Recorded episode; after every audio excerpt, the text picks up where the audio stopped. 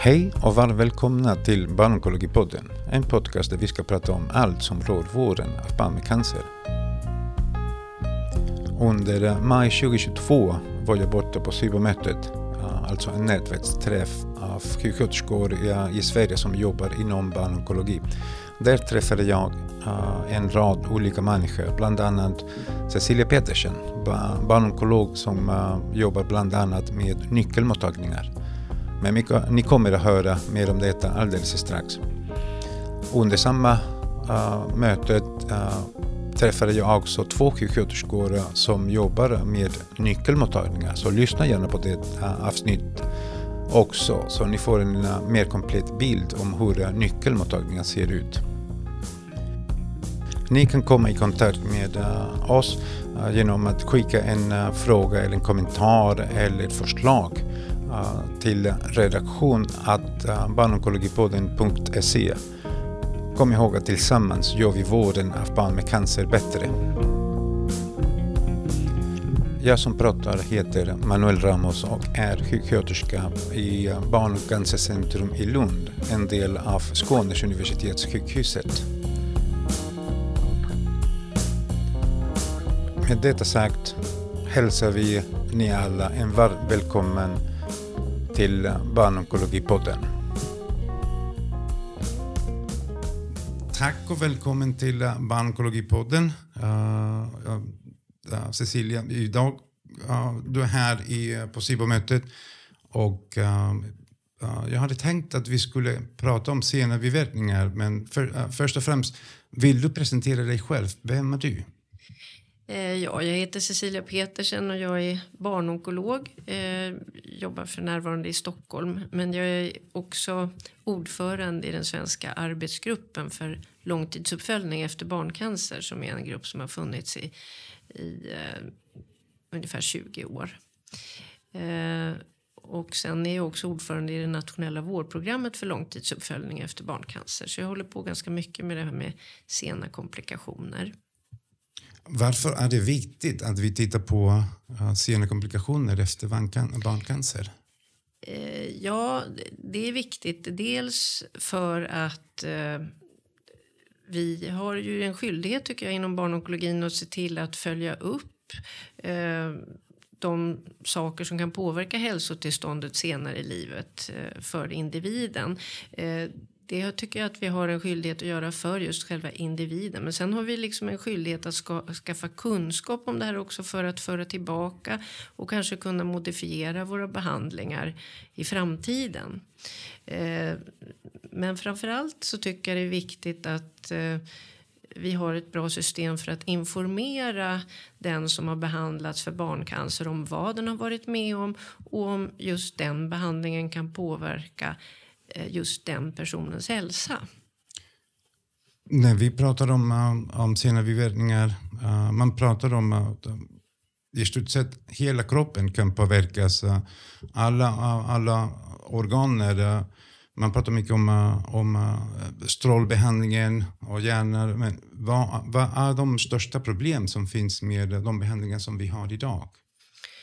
Alltså det, den behandlingsform som, som är mer väldigt tydligt kopplad till sena komplikationer det är just strålbehandling. Så vi försöker ju undvika strålbehandling när det går, men ibland går det inte.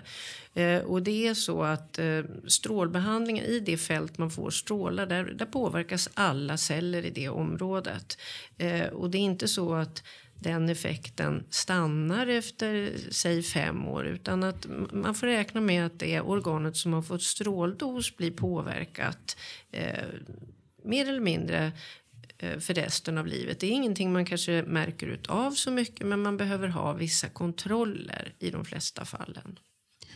Finns det uh, när, uh, när um, ni sätter upp uh, en plan för att göra kontrollerna efter, efter behandlingen Uh, då träffar ni patienter på, på mottagningen. Men hur länge har de funnits, de, de mottagningar? De här, det, det, finns ju några mottagningar. Du menar kanske de som vi kallar för nyckelmottagningar. Precis. Ja, de, de är faktiskt under uppbyggnad på flera centra.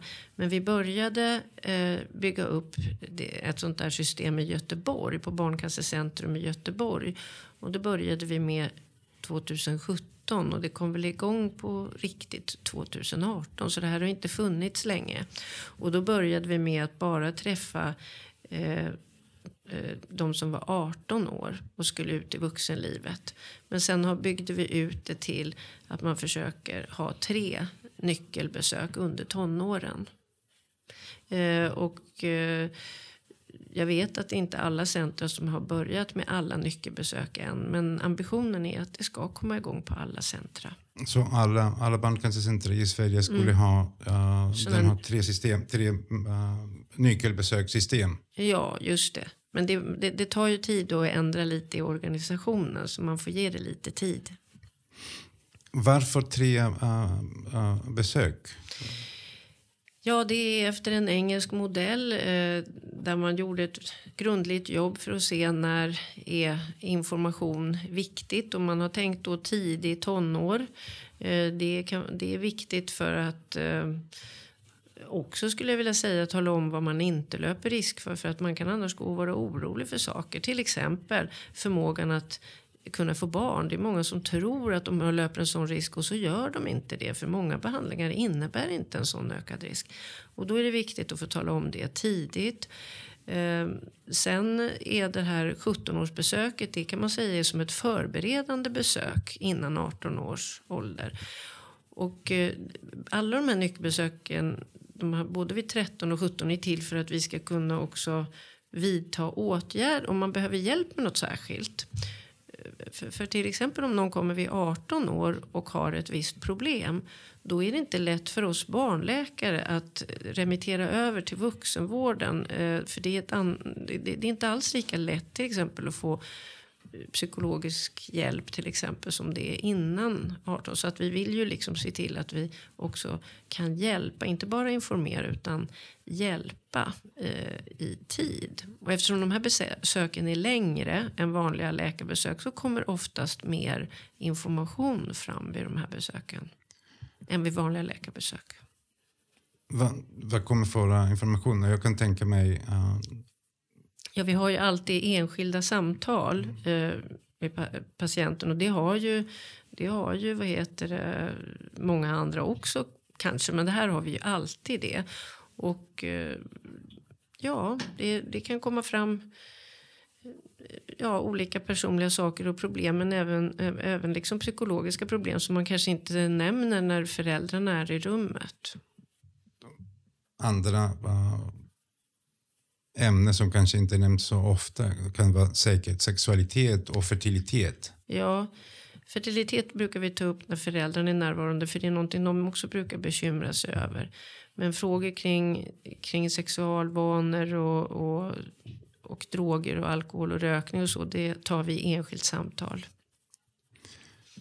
Du nämner också uh, vuxenvården uh, och uh, hur, hur samarbetar ni med vuxen ålder på, på ett sätt? Eh, uh, ser vi, uh, eh, ser vi verkligen uh, skulle kunna jämföras med en för tidigt åldrande på ett sätt? Att kroppen, uh, så hur, hur, hur ser den samarbete med vuxenvården ut? Jo, men vi har ju de här uppföljningsmottagningarna för vuxna efter barncancer som alltså finns på alla, eh, ja, alla ställen där det finns en barnonkologisk klinik. Så att säga. De, där, där finns det nu i Sverige en sån här uppföljningsmottagning för vuxna. Och de, det är ju de som så att säga, vi remitterar till vid 18 års ålder. Sen kan det vara så att eh, tonåringen har behov av massa Eh, flera andra vårdgivare också. Det skriver vi också förstås remiss till. Men just ett ställe att vända sig till vid olika frågor och så. Det är bra att ha. Eh, och då finns de här uppföljningsmottagningarna för vuxna. Och vi, just nu så samarbetar vi ju väldigt mycket med de mottagningarna. Inte minst på grund av att på de flesta ställen i landet så är det barnonkologer som jobbar på de här mottagningarna. Så vi jobbar ju ofta på båda ställena. Eh, men eh, det här samarbetet mellan de här typerna av mottagningar det kommer vi behöva formalisera mer framöver tror jag. Att, du menar att, att, att brygga? Ja. Att brygga över, det kommer vi få göra mer när vi får in mer vuxenexpertis där. Då måste vi ha ett system som, som bygger på, på, på liksom samarbete och återkoppling och så. Mellan de här två en, mellan enheterna, liksom barnonkologin och de här uppföljningsmottagningarna. Men just nu som sagt så är det ju samma personer som jobbar på i, i mycket, i stor, eh, många är i alla fall på så, uppbyggda på sånt sätt att det, man jobbar på båda ställena. Eller har väldigt god kunskap om båda ställena i alla fall. Vad finns, eh, vilka områden är det som, eh, som våra patienter kommer att behöva? vilka organer, vilka, det som jag försöker komma fram är vad, ha, vad finns för, för Exempel. hälsa, hälsabehov? Ja, det, det, det beror ju så helt på vad man har fått för behandling. Så det, det, det, beror, det finns de som inte har något som helst behov av fortsatta kontroller. Mer än att de, när de är vuxna, de behöver information om vad de har varit med om. Eh, men till exempel en vanlig sak är att Eh, har man fått en viss typ av cytostatika som heter antracykliner så då om man är kvinna och blir gravid så, så ska man kolla hjärtat extra under graviditet och det, det kan vara sånt som man inte riktigt vet om och andra vårdgivare, till exempel barnmorskor, det är inte heller så välkänt. Så det är en sån sak som det kan vara. Så kan det vara vissa behandlingar där man behöver kontrollera hjärtat vart femte år vissa behandlingar där man behöver kontrollera njurarna vart femte år och sen är det hormonerna. Man behöver kolla hormonerna. Det, det är helt beroende på vilken sorts behandling man fått. Hur, uh, vi har inte mycket tid uh, kvar. Hur ser uh, framtiden ut? Uh, den, hur, hur, ser det, hur ser det, de mottagningar runt om i landet, hur kommer den här delen av våren utvecklas tycker du? Ja, när det gäller eh, under tonåren så tror jag att de här nyckelbesöken, tre nyckelbesök, eh, två till tre nyckelbesök under tonåren, det kommer byggas ut i hela landet. Det känner mig övertygad om. Eh, sen så är det de här uppföljningsmottagningarna för vuxna, de tror jag kommer växa.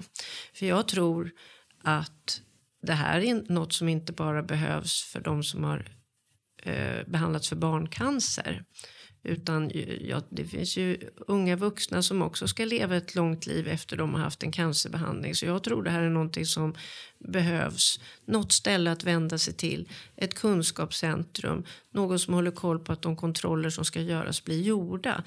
Det behöver fler än bara de som har behandlats för barncancer. Så jag tror att de här mottagningarna kommer byggas ut och bli större. Och sen så är vi också på gång att göra, eller det finns en nationell eh, liksom eh, det finns en nationell grupp kring det här så vi kommer också att samordna och göra så det blir mer lika i varje region. Just nu har vi väldigt olika resurser i de olika regionerna. Men uh, ja, jag tror att um, tiden går ut. Så jag har bara en sista fråga kvar. Har du någon bok eller film som du skulle vilja rekommendera? ja, det, är ingenting som egentligen rör det här området men jag har alltid tyckt väldigt mycket om filmen som jag inte kommer ihåg när den kom, men det var jättelänge sedan, men den heter Rumblefish.